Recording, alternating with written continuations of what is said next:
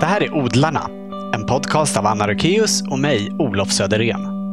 Odlarna ges ut i samarbete med Odlingstv. Och innan vi börjar vill vi tacka våra sponsorer som möjliggör den här podden. Det är Grönyte Konsult AB som saluför japanska verktyg av högsta kvalitet, till exempel silkesågar. Vi är också väldigt glada att få presentera en ny sponsor, Villab Garden, som levererar uterum och växthus fraktfritt i hela Sverige. Stort tack till både Grönite Konsult och Villab Garden. Vår första odlare i år är trädgårdsmästaren Marika Örvin. Hon är arbetsledare på avdelningen vildflor på Göteborgs botaniska trädgård. Och innan hon började där har hon, som många säkert känner till, varit delaktig i att bygga upp slottsträdgårdarna på både Läcke och Gunnebo slott. Med sådana meriter på CV behöver hon väl egentligen inte så mycket mer presentation, utan vi tar och kör igång intervjun istället. Från biblioteket på Göteborgs botaniska trädgård i mellandagarna. Varsågoda Marika Irvin. Vad gör trädgården med dig? Ja, vilken öppning. det är mitt drömjobb. Nu har jag gjort det här i 32 år. Vad den gör med mig, det är liksom... Den gör att jag vill gå till jobbet varje dag. Den gör att jag eh, varje dag när man är utomhus och sådär så känns det som att jag har varit med om varje dag. Jag ser solen gå upp, jag känner temperaturens växlingarna och jag ser solen gå ner, man känner vädret. Och, och, när man har med växter att göra så är det liksom hela tiden det här att början och slut slutet går i varandra. Nu när vi gick runt i växthusen och tittade så att eh, nu blommar liksom de vinterblommande narcisserna. Och det är liksom att vara del i, i växtvärlden på det sättet som jag är. Så allt går i varandra. Ett slut blir en början. Och liksom, det är lätt att man blir lite, eller ganska så filosofisk. Mm. Har du alltid hållit på med odling och trädgård? Nästan alltid. Eller ja, det bör, det, alltså jag, jag var väldigt djurintresserad. Jag, hade, jag började rida när jag var fem. Mm. Jag höll på till jag var 18. Och sen, Var sen växte du upp någonstans? I Stockholm. Och sen så var det ju, jag växte upp med massa katter och hundar. Och sen hade jag massa marsvin som jag själv hade då. Och så var det kaniner och så var det ännu mer marsvin och ännu mer hundar. Och så och så var det hästarna då och sen eh, var jag ofta hos min mormor och morfar som hade sommarställe i Sörmland. Och eh, bredvid dem så fanns det då en, ett jordbruk som hade hästar och kor. Så då hängde jag där. Mina största idoler liksom från när jag var liten, det var ju, det var ju bönder. Det var jordbrukare. Det var de som hanterade djur och maskiner och så. Som ville jag bli. Och sen, eh, min mormor var jätteväxtintresserad. Höll mycket på i trädgården, hade mycket krukväxter och så. Och sen när jag var kanske tio, då började det mer att jag själv köpte jättemycket växter och fick växter. Och, så hela vårt hus var fullt med, med krukväxter och så. Vad sa dina föräldrar om det?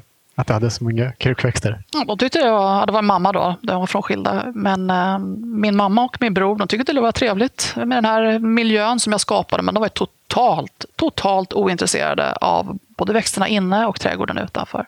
Och djuren också för den delen. Så det, var, det var min grej.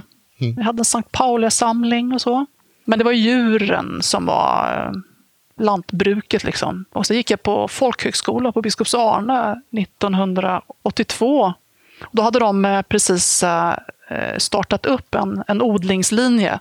Eller det handlade om global livsmedelsförsörjning egentligen och hur kan man göra det rättvist. Det var jordens vänner var inblandade. Det var alltså producera, producera livsmedel helt enkelt. Hur kan det gå till?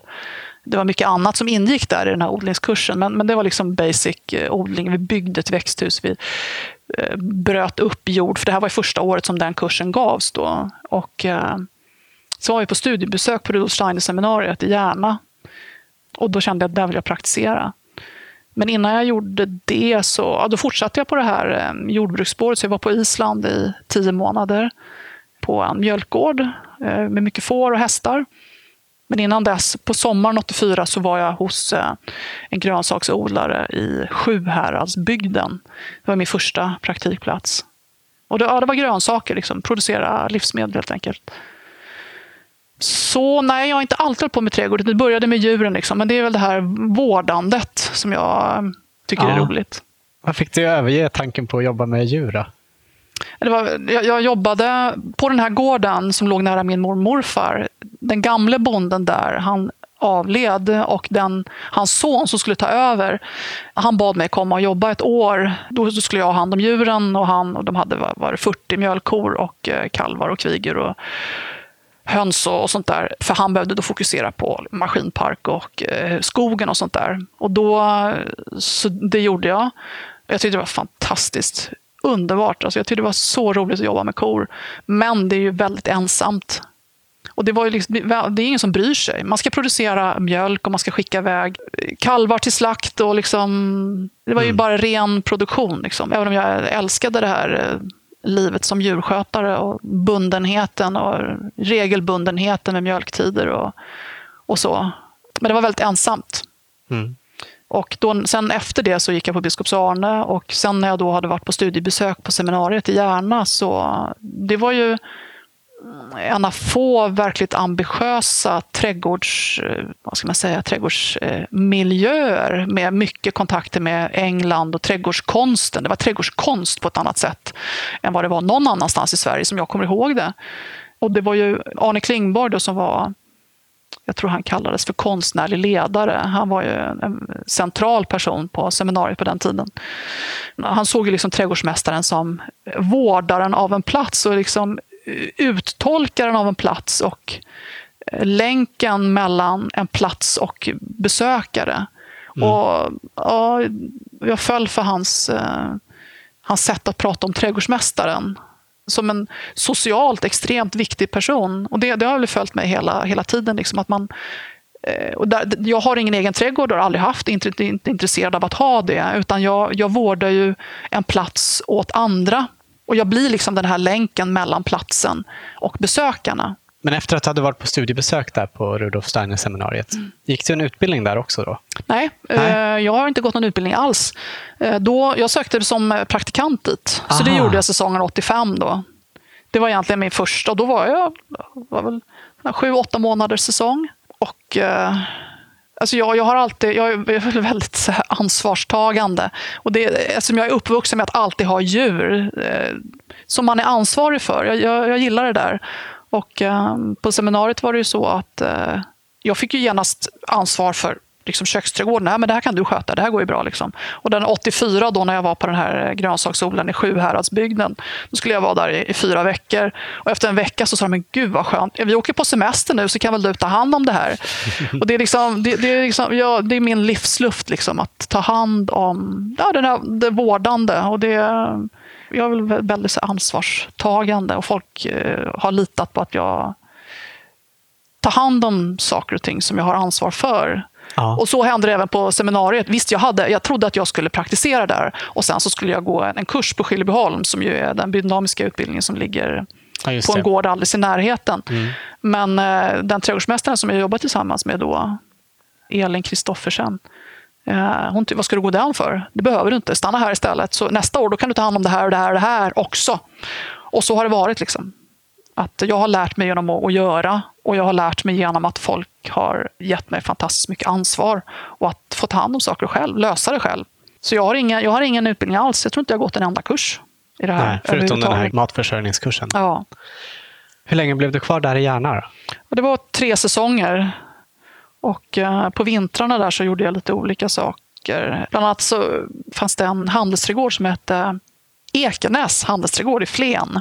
Mm. Som drevs av ett par som hette Eberhard och Claudia från Östtyskland. Och de drev liksom en gammaldags sorts handelsträdgård, med framförallt med krukväxter. Med alltså moderplantor, inte något fusk med pluggplantor eller något sånt, utan det var moderplantor med stickling. Så det var liksom gigantiska hibiskusar och kroton och sånt där. Mm. Och så förökade de genom moderplantor. Och dit hade jag åkt med min mormor från det att jag var 6-7 år. Det var han, som Eberhard, då, som gav mig kom, ska du få se här. Liksom. Så fick jag följa med. Den här ska du ha. Och så var det San Pauli liksom. och så visade han mig vad jag skulle göra. Och så, jag älskade att åka dit och alltid liksom, den här, den här har jag sparat till dig, den här ska du få. Liksom. Och då kanske jag var 8-9. Men där jobbade jag två vintrar. Då var jag seminariet under högsäsong. Och sen så var jag på Ekenäs då på vintrarna. Och sen så var det någon vinter, då var jag på Rosendal också. Ja, men så, tre år på seminariet. Hur gick det därifrån då till de här stora uppdragen med Läcke slott och Gunnebo? Ja, när jag hade varit då, det var slutet på, på säsongen 87, Vintern där var jag på Rosendal och sen tänkte jag jag ska väl tillbaka hit. Men då sa Arne till mig att eh, du kan inte vara kvar här. Du, du, alla kan inte vara här, utan nu har jag ordnat något annat till dig här. Ja. Och då hade han varit på studiebesök i England och där hade han träffat eh, ett antal eh, antroposofiska, trädgårdsintresserade människor som bodde alldeles i närheten av eh, Sydenham House, där Simon, då, min blivande man, var förvaltare och trädgårdsmästare. Han sa dit ska du åka, för att du, du kan inte vara kvar här. Du behöver, du behöver, du behöver eh, det, här, det här är inte för dig, utan du måste vidare. Liksom. Jag var ju aldrig någon övertygad antroposof. Jag, jag, det var ett fantastiskt eh, sammanhang att få vara i, men jag, jag var ju aldrig någon bra antroposof. Varför inte? Det var, det var ganska dogmatiskt, det var väldigt mycket mm, nästa, det är, liksom, det är, det är, det är ju viss mån religiöst. Liksom. Det är ju en kristenhet. Och det är, ju, nej, men jag, det fanns definitivt delar av det där som jag, som, som jag tyckte jättemycket om. Och, eh, I alla fall på den tiden så eh, kunde man liksom plocka de delarna som var sympatiska. Det var lite de här läkepedagogiska hemmen, det var sjukhuset Vidarkliniken som var precis under uppstart. Det var Rosendal, det var liksom eh, arkitekturen i Järna. Det, Waldorfpedagogiken, väldigt mycket som var oerhört sympatiskt men jag kunde aldrig liksom anamma helheten där. Nej, jag, var aldrig någon, jag var aldrig någon bra antroposof. Och det, det, gjorde ju ingenting. Jag var ju där ändå. Det var absolut inte så att man, att man han tyckte du, du behöver gå vidare. Du behöver ja. gå vidare, att du ska göra mer än det här. Så då hamnar du i England? Ja, så säsongen 88 var jag på Sydenham House. Och då följdes det inte bättre än att Simons pappa gick bort typ en månad efter att jag hade kommit. Så då sa han, jaha, nu måste jag tyvärr åka. Du kan väl ta hand om det här, så som det ofta hade varit.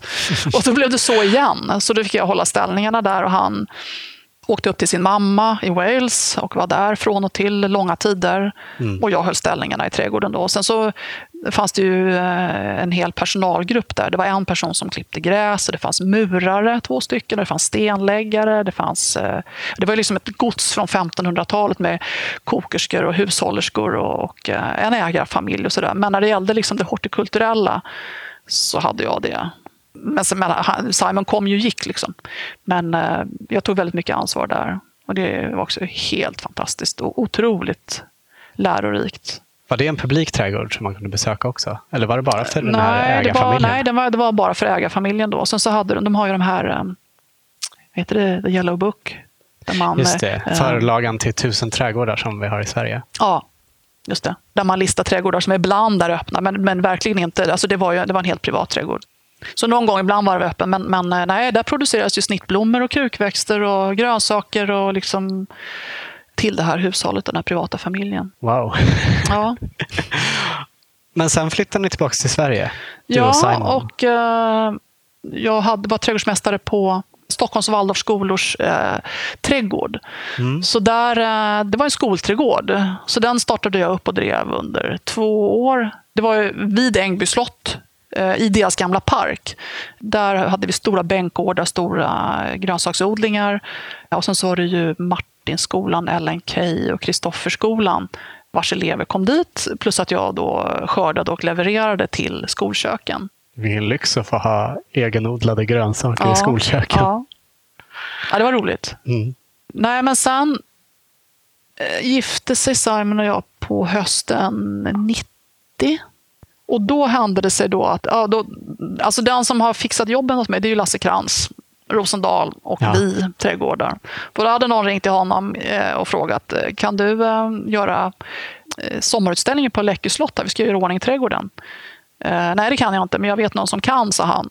Och sen så blev jag då uppringd av dåvarande turistdirektören i Västra Götaland Läcka hade ju sedan lång, lång tid tillbaka så hade de haft väldigt uppskattade sommarutställningar i slottet. Och så, så fanns ju trädgården, den här eh, muromgärdade lilla trädgården utanför, men den hade liksom aldrig varit del i slottet som helhet turistmål. Så. Den var, var ju helt outnyttjad. Mm. Men sommar 90 då, 1990 då skulle de ha människans lustgårdar inne i slottet med konst och föremål och så vidare. Och då ville de ju ha en liten trädgård också. Så den eh, ritade jag och eh, grävde om alltihopa och, eh, och så, så öppnade det väl i början på juni. Och då var jag med barn och höll på att få missfall hastigt och lustigt. Och då, Simon hade ju varit i Sverige i ett halvår kanske. Mm. Så han fick ju liksom kliva in där och han var ju också trädgårdsmästare. Så han fick liksom ta över plus att vi anställde någon till då och skulle ta hand om det under utställningens tid. Och för att jag inte skulle få missfall då, så var jag tvungen att ligga ner en, ah. i du kunde inte alls vara ute och veckor. Gräva. Nej, nej, nej, jag fick bara ligga. Ah.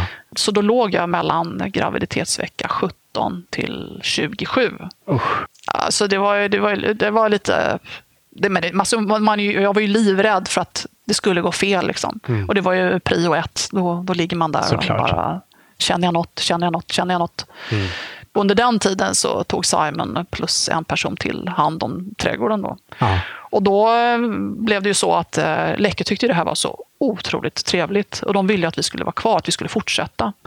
Och eh, det var ju bara menat att det skulle vara en, en sommar och sen skulle vi åka hem. Vi hade lägenhet i Stockholm och eh, skulle återvända dit.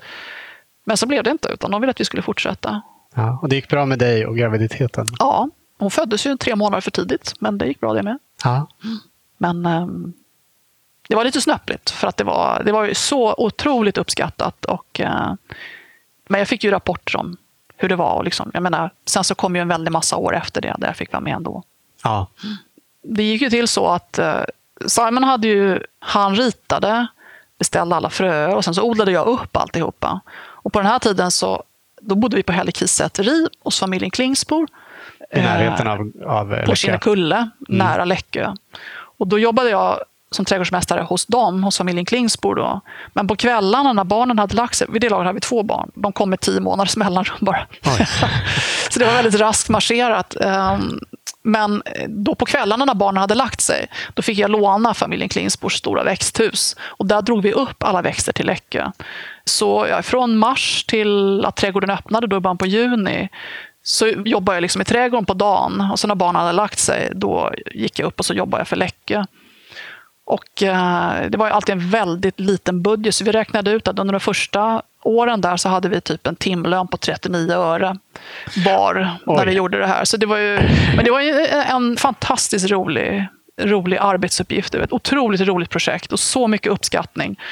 Så det kändes ju verkligen som att det var, var värt vartenda öre kan man ju säga då. Ja, tufft att jobba dubbelt så också ja. göra det här på kvällstid. Ja, men det var ju liksom ett, ett gemensamt intresse vi hade. Och barnen fick ju hänga med så gott de kunde. De är ju de är uppvuxna med att jag ska bara och jag ska bara, jag måste bara vattna, jag måste bara, jag måste bara. Så det, de, har ju, de har varit oändligt tålmodiga och vet att vissa saker måste man bara göra. Har barnen ärvt något av ditt intresse? Eller nej, ert intresse? Nej. nej. nej. Men de är glada över sin uppväxt, säger de i alla fall. Och de har ju liksom bott på våra arbetsplatser. Ja. Och de säger att om de skulle kunna välja så skulle de, kunna göra, skulle de göra samma sak. Så de har liksom upplevt att det har varit ändå, även om vi har jobbat mycket så har vi jobbat mycket i närheten med någonting som de väldigt mycket har fattat vad det handlar om. De här växterna måste vattnas. Jag måste gräva det här eller jag måste gå och sätta på den här spridaren. Och de har förstått vad det är vi gör och har varit del av det. Så de säger i alla fall att om, om de hade kunnat gjort detsamma för sina framtida barn så skulle de göra det. Men det är ingen som är trädgårdsintresserad. Nej, du sa att Simon eh, ritade och beställde fröer och du, du, gjorde det praktiska jobbet. Var den uppdelningen självklar för er? Ja, det får man nog säga. Simon var ju designer och liksom, på Gunnebo så var ju han...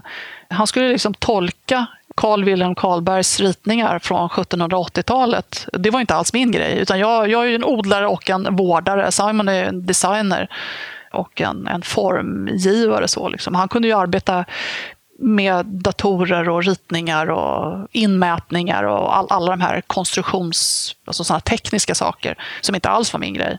Även om jag är intresserad av det så, det, nej det var inte min grej utan det, det, det är odlandet. Mm. Hur kom det sig att ni började jobba med Gunnebo då?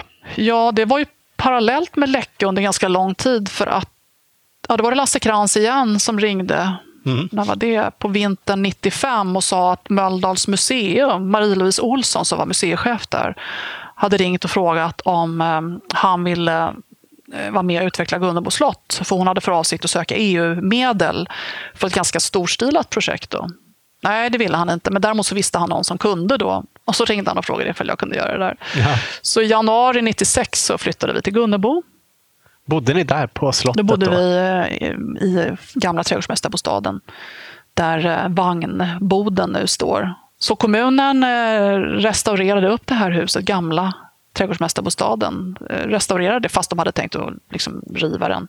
Aha. Och för det var, det var mitt villkor för att åka dit. Det var att jag ville bo där. Annars är det inte intressant.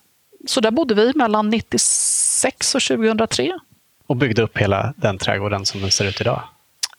Eh, inte allt det vi ser idag, men när vi kom dit så fanns det ju ingenting. Tjänstfolksbyggnaden fanns inte, där restaurangen och kaféet är. Köksträdgårdarna, drivhuset, eh, orangeriet. Ingenting av det fanns ju. Nej. Så vi började ju med gamla köksträdgården, den som ligger närmast restaurangen. För även där, det var ju bara, det var ju bara gräs och nässlor liksom, när vi kom dit. Men Marie-Louise Olsson hon sökte ju EU-pengar och fick för den omfattningen hon hade hoppats på. Men då var det så där att för att EU skulle ge pengar till ett projekt så förutsattes det att ägaren, i det här fallet kommunen, också hade satsat motsvarande pengar. Och då var det liksom, hade man, om, om både först kommunen och sen EU ja, då ville staten också vara med. Och det bara, liksom bara öste in pengar. Och så blev det, det, blev liksom, det blev snabbt väldigt mycket större än vad någon hade kunnat ana. Mm. Och jag fick ju väldigt mycket ansvar och vi skulle ju då rekonstruera efter Karlbergs ritningar från 1780-talet. Alltså, när vi kom dit, det var, det var en sån fantastisk nybyggaranda och eh, det var, det var, folk var så otroligt engagerade i det här. Och, eh, så fick vi alla de här pengarna, vilket gjorde att det var möjligt att göra saker. Och att det var så ambitiöst. Vi skulle liksom inte, vi skulle, det var autentiskt, vi skulle göra enligt ritningarna, de gamla. Vi skulle inte, det var inga pastischer, eller liksom, eh, så, utan det skulle göras på riktigt. Och Sen så sammanföll det med eh, den här krisen i mitten på 90-talet, jättehög arbetslöshet. Och så blev det ju ett arbetsmarknadsprojekt av det hela, där det var en massa människor som gick på utbildningsbidrag, kallades det för, tror jag. Framförallt arbetslösa byggnadsarbetare som det fanns, eller hantverkare. Alltså det är finsnickare som gjorde alla möblerna och det var folk som timrade, det var smeder, det var plåtslagare, det var sömmerskor och så var det trädgårdsgruppen då som jag hade hand om. Och det var murare som byggde upp kakelugnar och rörspisar och så här. Så det, det var ett enormt projekt. Och när vi väl hade dragit igång det, då, var det, det här, alltså då hade vi liksom rutinerna inne för att söka pengar och kommunen ville gärna fortsätta. Ja, då var EU också med på. Ja, men då ville staten också vara med på. Och så, så bara rullade det på. Alltså, jag skulle tro, tippa på att när det var som störst, det kanske var en 80 pers kanske på Oj. stället med verkstäder och det var smedja och det var växthus och drivhus. Och, och liksom, alla verkstäder var ju alltid öppna. Det var så mycket folk som gick där hela tiden och intresserade sig. Enormt pressintresse. Liksom. Det var tv och radio och artiklar och sådär hela tiden. Mm. Var det ett tidsbegränsat projekt att bygga upp eller valde du att sluta? Ja, jag valde att sluta för att jag kände att det blev det var helt fantastiskt att ha fått varit med om det här och att få dela den här nybyggarandan med alla de här otroligt duktiga, kunniga människorna, var och en med sin profession. Liksom, och att samsas kring ett projekt. Att ha råd att genomföra de här sakerna så ambitiöst som vi gjorde. Internationella gäster som kom och tittade. Så här, det, var, det var som hela världen snurrade kring Gunnebo. Liksom. Men sen tyckte jag att det började gå lite för fort. Jag tyckte att det blev för kommersiellt kändes det som. Och det utvecklades på ett sätt som jag inte var intresserad av att delta i. Vad var det som de ville göra som du inte ville vara med på? Jag, jag tyckte att det blev eh, för kommersiellt.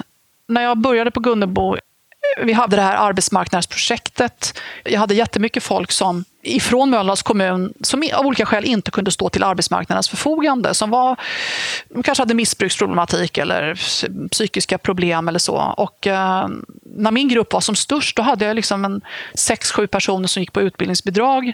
Och sen så kunde jag ha en sex, sju andra som då hade missbruksproblem eller var kriminella eller psykiskt sjuka och sådär. Jag tyckte det var så sympatiskt att vi som skötte Gunnebo, en stor del av den gruppen var kommuninvånare i Mölndals kommun och som annars skulle suttit på parkbänken. Liksom. Mm. Och nu fick de vara del av något helt fantastiskt. Det spelar ingen roll om du var en alkis eller om du var psykiskt sjuk. Liksom. Folk bidrog så otroligt mycket och det var så fantastiskt att få göra det på det viset. Det var väldigt familjär stämning, så, men ändå inkluderande. Jag sa i någon intervju någon gång så sa jag att jag, jag, det känns som att jag arbetar för Mölndalsborna. Det här är deras trädgård och jag gör det för dem. Det här är, vi, vi äger det här gemensamt, men, men den här öppenheten som vi hade med öppna verkstäder hela tiden, öppet drivhus, folk gick in. Alltså, den delaktigheten, och det brukar jag säga på mina oändligt många visningar som jag hade, att, eh, att jag vill inte att Gunnebo ska vara ett ställe där ju mer pengar man har, ju mer får man ut av sitt besök där. Utan det handlar om något annat. Och det, det, eh, jag fick vara med om den bästa tiden. Och sen så kände jag, nej, nu blir det här liksom jättetöntiga exempel. Men om man ska börja ha liksom whiskyprovningar eller bröllopsmässor eller kränga halvtaskiga saker. Nej, men jag, menar, jag var ju inte eh, ekonomiskt eller på något sätt ansvarig för vad som skulle hända på Gunnebo. Det var ju andra som var. Man var ju tvungen att gå vidare på ett ekonomiskt hållbart sätt. Och jag hade ju liksom varit med om den, den där underbara uppstartstiden som ju var ganska lång, från 96 till 2003. Alltså, vi hade olika åsikter om vad som skulle göras, hur det skulle utvecklas. Jag, jag delade inte det som hände. Jag ville inte vara del av det som hände. Så det var jag som ville sluta, vilket jag gjorde. Ja. Så 1 april 2003 åkte vi därifrån och eh, så flyttade vi till Tommarp i Skåne, ja. utanför Kristianstad. Hur kändes det att lämna de här fantastiska trädgårdarna som du har varit med och byggt upp? Alltså både Läckö och, och eh, Gunnebo. Ja, fast Läckö lämnade vi aldrig. Läckö var ju parallellt hela tiden. Mm. Och, eh, och Simon är ju kvar där än idag. Liksom. Simon hade ju huvudansvaret där. För när jag fick Gunnebo, då... Eh, alltså jag, jag, vi, vi åkte ju upp dit på helgen och var där hela familjen och eh, hjälpte till i Så någon mån. Så det fortsatte vara er bas? Ja. Liksom. Och särskilt för Simon då. Men sen när jag fick mitt eget slott, då hade vi varsitt. Så från 96, mellan 96 och 2003, då hade vi varsitt. Liksom. Ja. Och det var ju verkligen galet stort intresse för vad vi gjorde och eh, de här två trädgårdsverksamheterna som började från ingenting och som fortfarande nu då är väldigt eh, uppskattade och högst stabila verksamheter ja, som verkligen. bara ångar på. Liksom, vilket, det känns jätteroligt att ha varit med om att starta upp de båda. Ja. Men hur det kändes, det var ju ganska smärtsamt och infekterat och ganska otrevligt när vi åkte därifrån. Det var tråkigt och ledsamt ett antal år, men jag vill inte vara del av det som hände då. Och jag har inte ångrat det eh, någonsin, eh, utan det var helt rätt. Det var, det var jobbigt då, men sen efter tre, fyra år så där så kändes det inte relevant längre. Det, som, det otrevliga som hade varit, utan nu, nu är jag ofta på Gunnebo. Jag sitter i ledningsgruppen för deras eh, YH-utbildning och så där, så jag har mycket goda relation med dem. Men sen så får du ner till Tomarp. Ja, och där hade Simon ritat en köksträdgård fyra, fem år tidigare som hade hamnat för fäfot. Och det var Kråke Litander då som, det här var hennes eh, barndomshem, hennes morfar, konstnär. Eh, I alla fall, Kråke ville göra en nystart på den här gården och hon eh, hämtade då en, en ambitiös köksmästare med specialintresse för grönsaker i Stockholm. Och sen så kom jag då och så skulle vi dra igång den här köksträdgården och så skulle Tommarp sättas på kartan och bli något alldeles särskilt med den här köksträdgården och en meny då med fokus på, på grönsaker. Men det var, det var restaurangverksamhet? Ja, och mm. hotell. Mitt ute på vischan. Liksom. Ett gudomligt vackert ställe norr om Kristianstad med fruktträdgårdar runt omkring och Råbelövssjön. Och bedårande vackert. Och det var ju, vi gjorde en rivstart, rensade upp i fallfärdigt växthus och beställde massa fröer och odlade upp jättemycket saker. Och, eh, Fredrik, då, kocken, han eh, var jätteladdad också. Men sen gick de i konkurs. Ja. Samma höst, så då blev det inget. Och då kände jag att eh, här sitter man då liksom på landet i nordöstra Skåne, visserligen helt fantastiskt vackert, men och Simon var ju kvar på Läckö på sommartid. Han åkte ju, vi, vi var ju baserade i Skåne, liksom, men han åkte ju fram och tillbaka till Läckö. Men eh, vi tänkte för barnens skull då, som eh, hade ju bytt skola och gått i en annan skola i Skåne då i en, en halv vårtermin och en hel hösttermin. Då tänkte vi att eh, vi åkte tillbaka till Göteborg. Och så gjorde vi det. Och barnen fick gå tillbaka till sin gamla skola och då var jag arbetslös för första gången typ i mitt liv.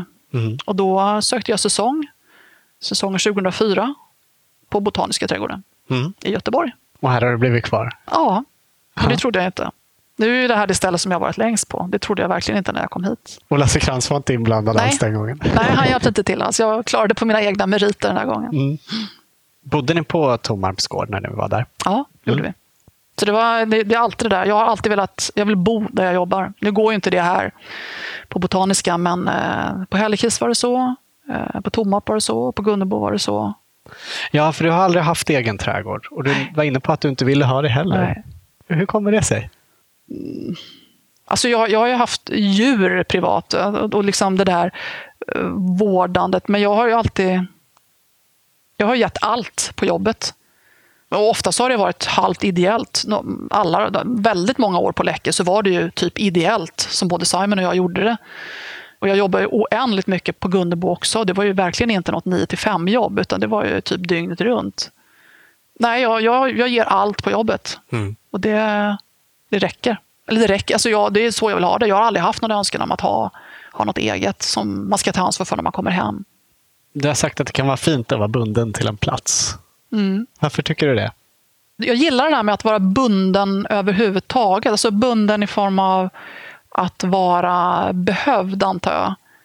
Jag hörde något radioprogram om det för bara några veckor sedan som handlade om den här totala friheten som vi tycker att vi har eh, och vad det, att det är inte riktigt bra för människor att vara helt fria, att ha noll begränsningar. Och jag har ju andats ända sedan jag liksom var fem, sex så här och hade en hel flock med marsvin. Ja, de ska vattnas och de ska fodras och de ska klippas klor och de ska liksom, man ska bära ut dem i trädgården, man ska göra ren buren. Ja, jag har alltid... Um, det finns en skönhet i den här begränsningen, tycker jag. Och att vara bunden till en plats. Man kan ju vara bunden till en flock kor eller ett stall med hästar eller en bur med marsvin eller vad det nu är. Liksom. Men ehm, ja, jag funderar ganska mycket på det. Och det, det är väldigt, jag, är- jag är ingen designer. Jag är inte intresserad av att designa trädgårdar. Jag är ingen anläggare. Jag är inte intresserad av att anlägga. Jag är definitivt inte någon som skulle kunna ha en sån här eh, skötsel och anläggningsfirma som liksom anlägger och sen sköter om och åker runt eh, och sköter om andras trädgårdar. Nej. Utan jag är väl, väldigt stationär liksom, och tycker om att höra till en plats. Mm.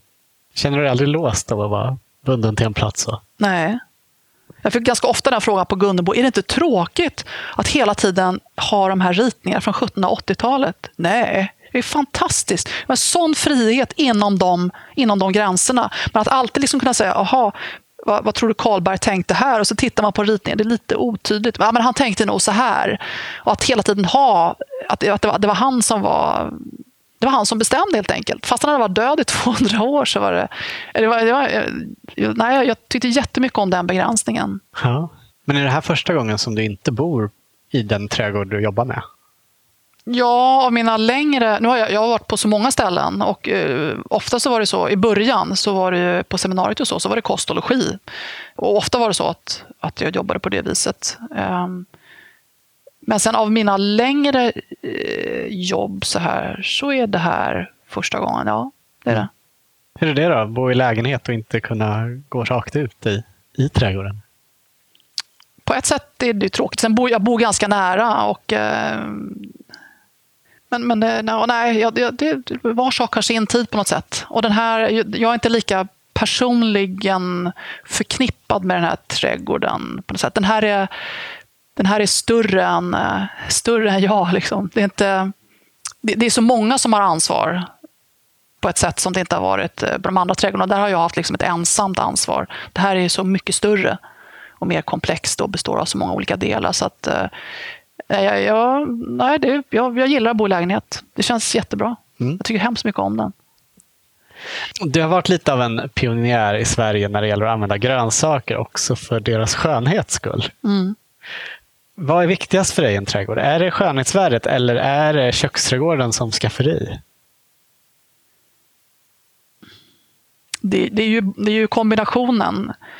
Eh, jag funderar på, jag, jag trodde ni skulle fråga vad är din älsklingsväxt? Vilken växt tycker du bäst om? Mm. Och jag funderar på vad, vad, är det jag, vad är det för växter jag gillar? Du sa innan här att du i alla fall inte gillar orkidéer. Nej, jag tycker inte om orkidéer. Jag tycker inte om kaktusar. Jag tycker inte om, eh, jag tycker inte om såna här statiska grejer. Men jag, jag tycker om växter som som mår bra, som har förutsättningar för att må bra. Jag, jag, jag, är inte road av att odla sånt som är nästan omöjligt och som visserligen lever men som är bara ledsamt och mår dåligt.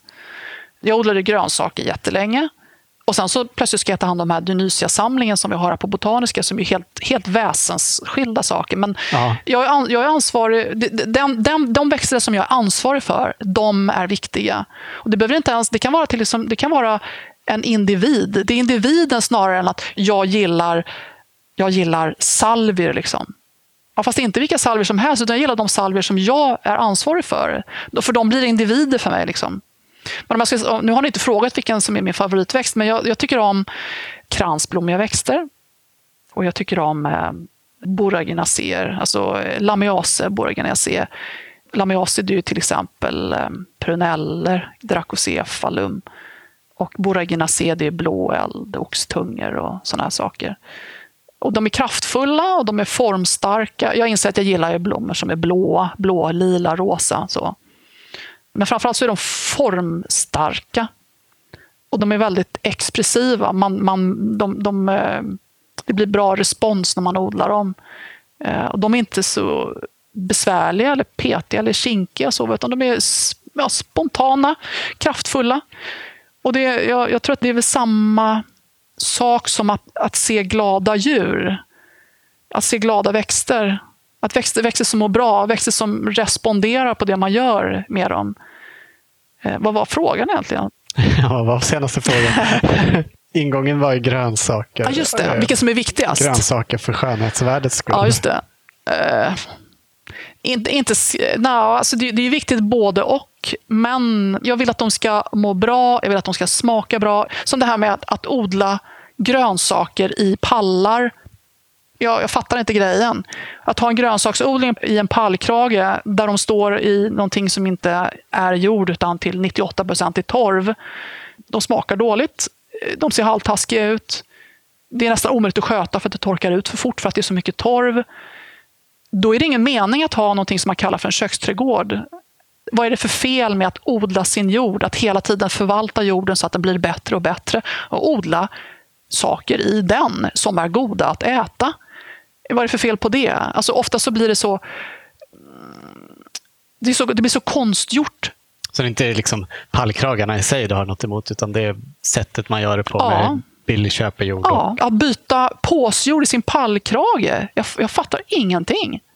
Det sättet som man gjorde saker och ting på 1700-talet Alltså, det, det, har inte blivit bättre. Alltså, mycket av dem, eh, det sättet som man gjorde det på då, det är liksom fortfarande det optimala.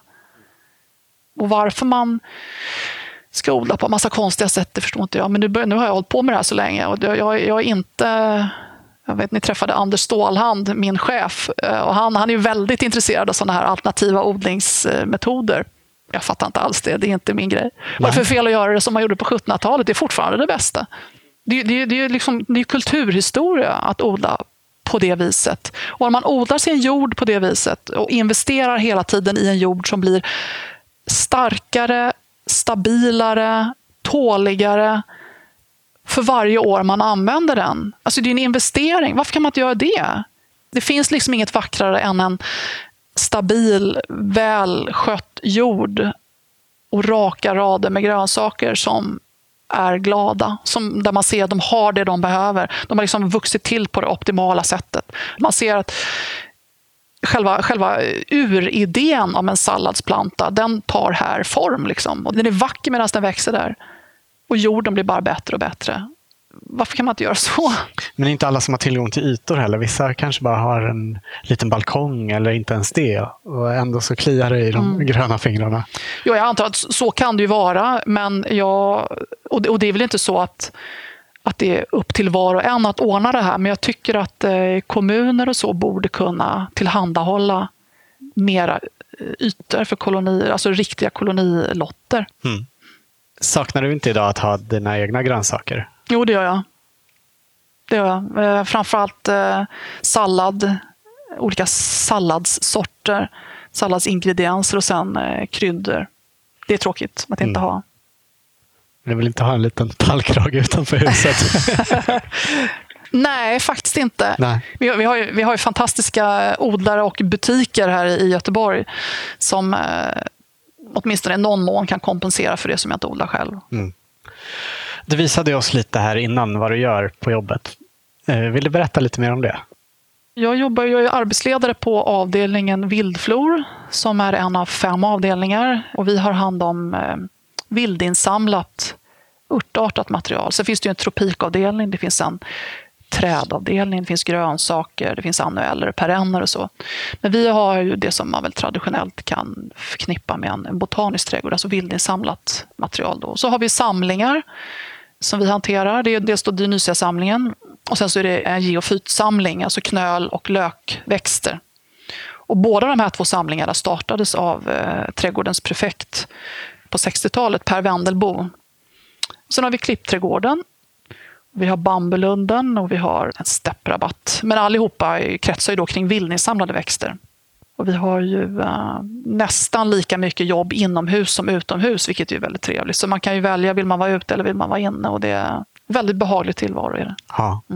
Du nämnde innan att du ska på en insamlingsresa till Iran nästa år. Jag vet att du har varit på någon resa tidigare också. Berätta. Ja, nu i vår då så ska vi till Iran och då är det Sagrosbergen och eh, Dionysier och geofyter som eh, står i centrum. Då. Huvuddelen av Dionysierna i världen finns ju i Iran, Irak, Afghanistan. Så det blir min andra insamlingsresa. Den förra var till eh, norra Kaukasus i september 2011. Kaukasus är en sån här botanisk hotspot med väldigt gammal, rik flora. Väldigt många av, av våra mest uppskattade trädgårdsväxter är från Kaukasus. Så vi kom tillbaka därifrån med 340 kollekter ungefär av olika saker. Som Oj. vi då har eh, dragit upp och vi har ju eh, nybyggd, utökad Kaukasusavdelning i Klippträdgården. Ja. Väldigt många odlingsvärda växter. Har ni lyckats med alla de här som ni tog Alltså de, de är ju förvånansvärt bekymmersfria faktiskt. De är tuffa och härdiga, de gillar vårt klimat och de ja, det är kraftfulla saker. Inför Iranresan, då, hur många nya arter förväntar du dig att få med därifrån? Ja, alltså när, när Per Wendelbo började med Dionysierna på 60-talet, då tror jag att det fanns 24 arter eller något sånt där. Nu finns det 52. Och eh, trädgårdens personal har hittat ett antal nya Dionysiearter. Och de, de är inte alldeles lätta att hitta. De växer ju i, i väldigt torr, karg miljö. Vi, vi kommer ju vara i samband med snösmältningen då och det är då de blommar. Eh, och man får ju liksom försöka hitta dem på långt håll med kikare innan man ger sig iväg åt något håll. Lämnar bilen och ger sig iväg för att leta. Liksom.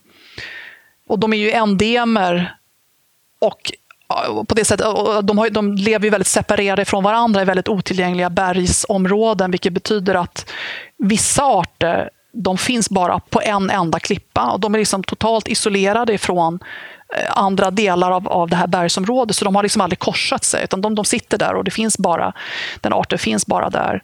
Och Henrik Zetterlund som eh, är vår hortikulturell intendent som ju har jobbat mycket med Dionysia-samlingen, han kommer att resa med och han har varit i Iran flera gånger.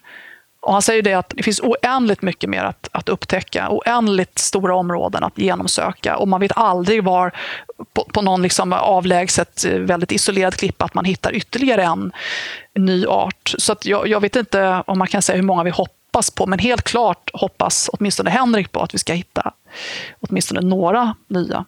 Det kom, det kom inte bara, bara, förra året så var det en och året innan dess så var det, eller två år före det så var det en till. Så att, alltså det, det händer ju. Det, det, är liksom, det finns ju iranska botanister som eh, studerar de här.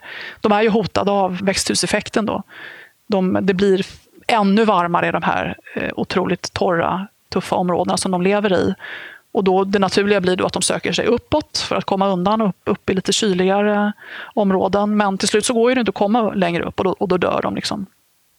Så eh, iranska botanister är ju intresserade av att hålla koll på dem. Och iranska botanister har hittat två nya arter bara de senaste tre åren. Ja. Så, nej, men absolut, vi ska hitta nya arter. Det ska vi. Spännande. Mm. Men vi ska tillägga också att ni har tillstånd av iranska myndigheter att åka dit och Ja, samla. absolut. De är väldigt speciella de här Dionysierna. Vill du beskriva dem?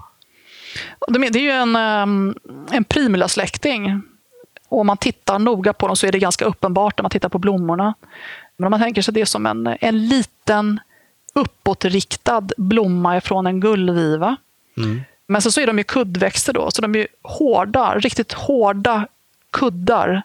Många tror att det är mossa. Ja, vid en första anblick ser det ut som en ja. mosskudde. När de inte blommar så ser det ut som en sån här perfekt rund eh, kudde med mossa. Men sen så januari, februari då så börjar de blomma och då är det som, ja, som sagt små primula-blommor uppåtriktade. Hela, alltså på flera av arterna så är det så mycket blommor så det går inte att se själva kudden. Utan de är helt, helt täckta av blommor. Olika nyanser av gult och lila, ibland vitt. Så de ser rätt surrealistiska ut. Mm. De största som ni såg där inne, de är ju som en, vad ska man säga, en, en halv basketboll ungefär. Mm. Alltså, de är perfekt rundade ofta. Så är det ju inte i, i, i när de växer i det vilda. Det är sånt tufft Nej, klimat de... och de är ju sönderslitna och sönderblåsta. Och, och eh, klipp, eh, eller stenbitar som rasar på dem och sådär. Men eh, när de växer så här konstgjort och skyddats som hos oss, då blir de ju perfekt rundade. Mm. Och precis hur de här växterna ska skötas, eh, har du lärt dig det sedan du började här? Ja, det tror jag man. Jag, tror inte någon annan har lärt sig det. Alltså det är bara här man kan lära sig det. Typ. Det är ingen annan som odlar det nästan. Det finns en del eh, privata odlare som håller på mest med hybrider i England och Tyskland. Men eh, det här är, det är ju Henrik då som har utarbetat eh, odlingsmetoden för just våran breddgrad. Sen har jag modifierat hans sätt. Och förhoppningsvis så kommer jag göra det ännu bättre när jag har sett hur de växer i, i det vilda ja. fram i vår. De är extremt känsliga för väta och fukt. Så de ligger på en bädd av grus för att hela tiden själva kudden ska vara torr. Liksom. Blir det fukt underifrån som stiger uppåt i själva kudden, de torkar aldrig ut. Och då ruttnar de. De är väldigt benägna olika svampsjukdomar och, och röta och så. Så ventilation och att det är torrt runt omkring dem är jätteviktigt. Använder du helt och hållet ekologiska metoder? Inte här. Nej. Nej. Alltså när, när jag kom hit då hade jag odlat ekologiskt i 20, vad blir jag, 20 år drygt. Men nu, nu eh, här på Botan så har jag ju liksom ansvar för samlingar av växter. Som ju, man kan ju säga att det är museala samlingar. Vissa har ju funnits här och förvaltats här sedan mitten på 60-talet. Även om det inte är samma, exakt samma individer så är det ju kloner som har levt vidare.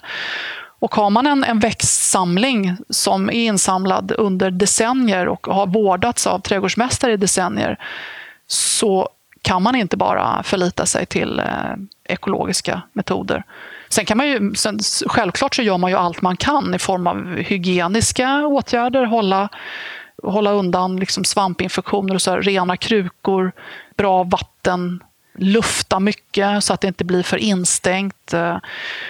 Alla sådana saker. Man försöker undvika angrepp så mycket det bara går. Men händer det någonting, då måste man ju kunna agera. Man kan inte bara stillatigande stå och se på en, en hel samling gå förlorad när någonting händer. Så att eh, efter 20-22 års ekologiskt odlande då, så när jag kom hit eh, efter några år så gick jag en sån här sprutkurs i Länsstyrelsens regi där man får lära sig vad man kan använda och inte. Och um, hon som var kursledare hon tyckte att jag var liksom drömpersonen att undervisa därför att jag hade liksom en bas att självklart odlar man ekologiskt. Jag visste allt det där, hur man kan göra, hygienens betydelse och liksom att hela tiden var, ha järnkoll på, på skadeinsekter och vad ska man göra då och liksom, eh, predatorer och alltihopa. Men ibland så behöver man kunna det andra också. Men det är ju det sista man tar till. Sen är ju inte det, det är ju inte ätliga växter vi håller på med här, så vi behöver ju inte tänka på karensdagar eh, inför skörd och sånt där. Men Nej. det är ändå så att man ska inte hantera växterna efter man har sprutat med vissa medel och sådär. Men eh, det har varit lärorikt att så länge ha odlat helt ekologiskt. Det har liksom inte funnits på kartan att använda kemikalier. Till att, ja, men jag måste. För annars så kan vi tappa en hel samling. Liksom. Varför tycker du att det är viktigt att man bevarar de här samlingarna? Det kan ju vara olika skäl. Just med Dionysierna, ett skäl är väl att eh, den har förvaltats av trädgårdsmästare här sedan, sedan 60-talet och på så sätt så är det ju i viss mån en museal samling. Vi har ju folk som kommer ifrån framförallt Mellanöstern som använder den i vetenskapligt arbete. Det är också så att Dionysierna de hotas ju av eh, växthuseffekten. Och då kan man ju säga att det här är en form av så kallad eh, ex situ bevarande där vi, vi bevarar dem men inte på deras naturliga plats utan, utan här istället.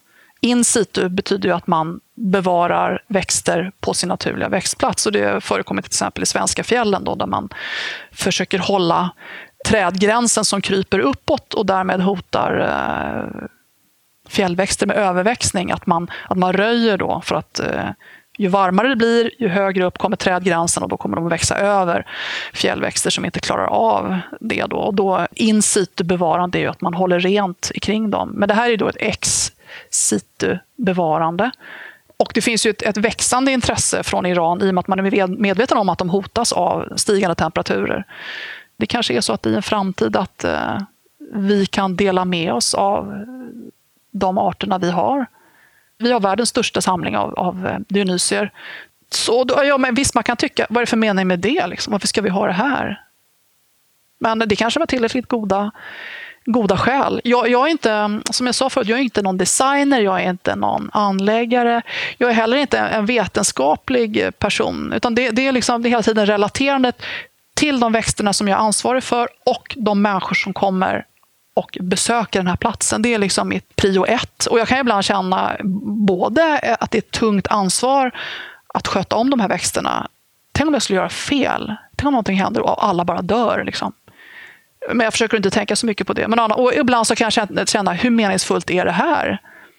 Men eh, nu de senaste tre, fyra åren så har, har vi haft visningar. Då där för de är Henrik... normalt inte utställda för Nej, där, där som jag visar det, det är inte öppet för allmänheten. Utan man kan, folk står och trycker näsan mot fönstren, men de, de ser dem inte. Men nu har vi då öppet hus och så har vi visningar. Och det är jätteroligt att träffa göteborgare som har sett de här växterna genom fönstren under alla år, men inte fattat vad det är. Och så sitter vi liksom, Göteborg, i Göteborg så finns världens största samling av Dionysier. Och eh, när jag, när jag berättar om det här då, då plötsligt då är det liksom ingen tvekan om varför det här är häftigt, varför vi ska göra det här. För att de, göteborgarna de går därifrån och liksom ser ut som de är så nöjda över att det här har vi i vår stad. Liksom. De här helt osannolika växterna som vi har då haft sedan 60-talet och att det pågår ett vetenskapligt arbete och att vi ska åka på insamlingsresor. Och de kommer tillbaka och frågar men hur gick det nu med den här och du visar mig den här frågan, hur gick det nu? Liksom. Och det är precis det som är det allra roligaste, att eh, liksom förmedla kunskaperna och mitt engagemang till de som egentligen bekostar allt det här det här är ju skattefinansierat. Mm. Och att berätta om vad vi gör och se hur folk går igång på det. Då känns det som att det är självklart ska vi ha det här. Det är den stora belöningen. Mm. Men nu då, när du kan tänka dig att använda kemiska bekämpningsmedel, om den här samlingen skulle vara hotad, skulle du även kunna göra det om du nu skulle jobba i en köksträdgård igen? Nej, Nej det skulle jag inte kunna tänka mig. För det, då, då, om, om man har förvaltat sin jord rätt, om saker och ting växer på det här balanserade harmoniska sättet som de ska, då är de så motståndskraftiga. Visst, det kan, det kan ju komma angrepp ändå, men det blir ju det, det, är ju ett ekosystem. Det är ju i ett sammanhang. Eh, och även ett lusangrepp. Liksom. Har man is i magen, jag menar, förr eller senare så kommer nyckelpigorna och så löser de det. Nej, aldrig i en köksträdgård. Nej. Vad skulle du säga om att bespruta när det gäller prydnadsväxter i en egen trädgård till exempel? Nej, det skulle jag aldrig göra. Det är konstigt hur man egentligen får köpa de här, de här medlen och i vilken omfattning folk gör det och helt oreflekterat många gånger öser ut det på ogräs och mm. sånt. När det finns så väldigt många andra sätt att göra det på. Jag, jag kommer inte ihåg exakt, men det är helt galet hur mycket gift som privatpersoner använder. Mm. Och då har man inte gått eh, Länsstyrelsens kurs. Eh, man vet, man vet inte så mycket om det. Och Oftast är man nog inte ens säker på vad, vad är problemet. Det kanske är något helt annat problem. Man kanske, den kanske är, har fått för lite näring eller för mycket vatten. Det kanske är så att den har eh, syrebrist kring rötterna så att den storknar där den står. Liksom. Eller man bara är en kass odlare. Man har gjort fel helt enkelt. Och så, Då köper man någonting för att det är gula blad på den. och Då köper man någonting av det. Och så, man har ingen aning om vad det är man gör. Och mängden som man öser ut, det, det är skrämmande. Så nej, det skulle jag aldrig göra. Vi bekämpar ju aldrig någonting utomhus här, utan det är, eh, det, det är ju Västra Götalandsregionen som ju är vår huvudman. Eh, för dem är det självklart att vi ska inte använda gifter mer än absolut nödvändigt. Och vi, vi använder det inte ute. Och mycket, mycket sparsamt, även inomhus. Då. Mm. Men det här med att odla jorden som du pratade om innan, saknar du inte det när du står i växthuset och håller på med grus och pimpsten? Och... Jo, det gör jag. Men då är det kanske inte framförallt jorden, utan då är det det här med det här som är det viktigaste och det roligaste för mig, det är ju kontakter med besökare. Och eh, det finns ingen växtgrupp som är så inkluderande som grönsaker. För när man odlar mat, alla kan relatera till mat. Och då med jorden kom det grönsakerna och med grönsakerna så kom kontakten med alla besökare av alla möjliga olika slag. Och eh, ja, det är så inkluderande. Det som jag gör nu, det är inte inkluderande på samma sätt. Sen jobbar jag ju en del ute också. Men tyvärr så är det så att besökarna har sån enorm respekt för, för det som vi gör. Så de tar inte kontakt. På Gunnebo var det så att alla bara gick rätt på. Både för att folk visste vem jag var och de drogs inte för att liksom bara avbryta mitt i allting och bara, och bara fråga. De, de, det, var liksom, det var väldigt mycket så. Jag var Gunnebo och Gunnebo var jag. Liksom. Alla visste vem jag var. Här, så jag är mycket mer anonym här. Plus att besökarna tycker att det vi gör är lite märkvärdigt. Så de frågar liksom så här underdånigt, är du, är du forskare här? Och Det är som att det är mycket, mycket finare än det man gjorde på Gunnebo. Man har sån respekt mm. för det så att man tar inte kontakt, vilket är tråkigt. Så att, nej, jag saknar väl inte jorden, men jag kan sakna den där mänskliga kontakten som blev. Men när man har visningar i Dionysiahuset man berättar, och jag brukar alltid säga, det säger jag till alla, ställ frågor, hur dumma som helst. Liksom. Huvudsaken är att, att du förstår vad, vad det här handlar om. Liksom. Vad är den vanligaste frågan du får om Dionysierna? Ja, det är väl typ, är det mossa? Mm. Eller något sånt. Eller, eh, klipper du dem? Eller så. Ja, och vad ska man tro när man ser dem? De ser helt osannolika ut. Mm. Men svaret är alltså nej på båda? Ja, svaret är nej. Mm. mm. Nej, de gör så av sig själva. Ja. Vi läste en artikel som Karin Berglund har skrivit om dig, att när du började som trädgårdsmästare så var det inte ett jobb som var så populärt. Nej. Men idag har det blivit det. Vad kommer det sig, tror du? Jag vet faktiskt inte vad som hände, men när jag började 85 då, då var jag liksom alla stadsparker. Då var det liksom eh, så här röda isbegonier, orangea tagetesar i rundlar och rader. Alltså det var ju, och folks trädgårdar hemma, det var ju jättetråkigt. Det var, alltså, jag upplevde det som att folk var inte särskilt intresserade. Men när jag kom till seminariet då, då fanns ju eh, väldigt täta kontakter med, med det engelska sättet att se på trädgårdar. Trädgårdskonst helt enkelt, trädgård som konst. Och människan som en odlande varelse. Och ja, förena nyttan med nöje och skönheten med nytta. Och, men alltså på trädgårdsskolor på den tiden, var, ofta så var det de, de, som, de som utbildade sig inom trädgård, det var naturbruksgymnasier och sånt där. Och det var oftast killar förstås, eh, som inte kunde sitta still, som gillade att köra maskiner. Jag vet ju folk som är ungefär i min ålder eller snäppet äldre, som jag känner, som har jobbat på kyrkogårdsförvaltningar och så i hela sitt liv. Och det var ju väldigt ledsamt och oambitiöst. Och det, var, ja, det har ju blivit något helt, helt annat. Mm. Karin skrev i den här artikeln att det delvis är din förtjänst att yrket har fått sån status. Tror du hon har rätt i det? Kanske. Jag fick, jag fick ett diplom en gång ifrån... Jag fick den för att jag hade höjt statusen på trädgårdsyrket. Hur har du gjort för att göra jag det? Vet, jag vet faktiskt inte. Jag, när, när jag hade så oändligt många visningar på Gunnebo och när jag, liksom, jag kunde göra det där i sömnen. Och den vanligaste frågan var, folk räckte upp handen så här, får jag fråga en sak efter en halvtimme? Så här, vad, vad, har, vad har du för utbildning? Har du gått på universitet? Nej, jag har ingen utbildning alls.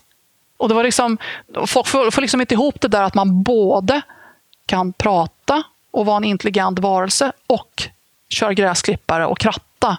Och det där, jag tror att det är ganska vanligt i Sverige att man eh, hantverksyrken, det finns ett, eh, har, har funnits och i viss mån finns fortfarande ett förakt för för hantverksyrken. Och att eh, om man har ett hantverksyrke, ja, då kan man inte tänka. Liksom. Då, kan man inte, då kan man inte prata.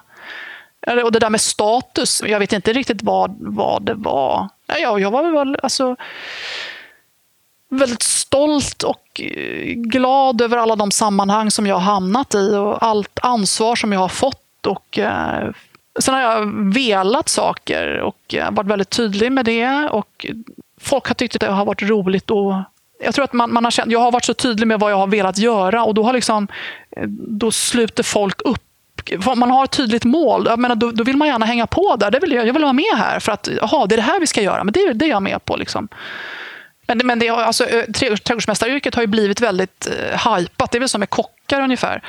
Att det gick från att vara ganska oglammigt, ja, det var väl ingen direkt som ville göra det, till att det är liksom rockstjärnestatus på något sätt. Mm.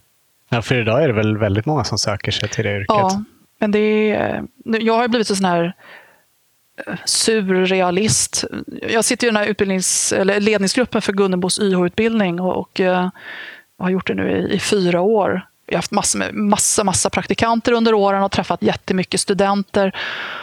Och de har ofta en, en, en ganska ska man säga, orealistisk bild av vad det handlar om. På att, vilket eh, sätt? Ja, men alltså, man tänker att man vill göra ungefär som på tv. Man vill skapa. Men mycket av det här eh, trädgårdsyrket är ju ensamt, slitsamt, skitigt. Det är ingen som ser vad man gör. Att vara stabil i att driva allt det här vardagliga som man måste göra. Det är, det är många som inte riktigt fattar eller är intresserade av det. Utan det är det här glammiga, som den här guldkanten som kommer ibland. Mm. Alltså, saker börjar inte klockan nio och sen är man färdig klockan fyra då går man hem. Utan det måste finnas en beredskap för, ibland, ja men idag är det skitväder, vi går hem klockan två idag. Men nästa dag, då är det så himla bra väder, men vi jobbar för att få det här färdigt. För nu är det praktiskt, imorgon ska det börja regna, då kan vi inte göra det här. Nej. Eller, de här sakerna, de slokar nu, vi måste göra det här nu. Ja, då måste man... Och det, det, den attityden till att man kan inte alltid styra själv, utan eh, det är andra saker som styr. Och man är liksom i anspråktagande, man har det här ansvaret och det, det ska man ta. Tycker du alltid att eh, jobbet som trädgårdsmästare är kul? Ja, det gör jag faktiskt. Det finns alltid något som är lustfyllt. Det är alltid meningsfulla saker. Det är alltid begripliga, rimliga saker som behöver göras. Det finns ett tvång och en mening med allt man gör. Men det är alltid, det är alltid roligt. Mm. Det här är ju så oändligt mycket mera för mig än bara ett jobb. Och det är inte, det, är ingenting, det stressar mig inte. Det är liksom inte. Jag känner inte att jag måste koppla av det. Utan det är ju eh, det, det, är ju, det är ju mer än ett jobb, det är ju en livsstil. Liksom. Och det är ju, det är ju en fantastisk sak att få ha ett jobb som man tycker så mycket om. Att man inte, jag, jag känner liksom aldrig att jag slösar bort min tid eller slösar bort mitt liv, utan det ger så oändligt mycket. Det är en ynnest. Så har jag aldrig ångrat mig. Aldrig. Du, tack så jättemycket för att eh, du tog dig tid för att vi fick komma hit. Tack själva. Tack själva.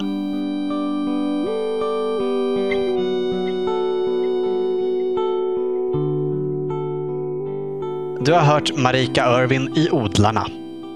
Blev du sugen på att se Dionysia-samlingen så håll utkik efter datum för visningarna på Botaniskas hemsida. Ja, förresten så är ju hela Göteborgs botaniska trädgård väldigt sevärd, så passa på att besök den om du har möjlighet. Stort tack för att du lyssnat och tack än en gång till våra sponsorer Villab Garden och Grönete Konsult som möjliggör den här podden. Redaktör för Odlarna är Anna Rökeus. Jag heter Olof Söderén. Ha det bra! Hej då!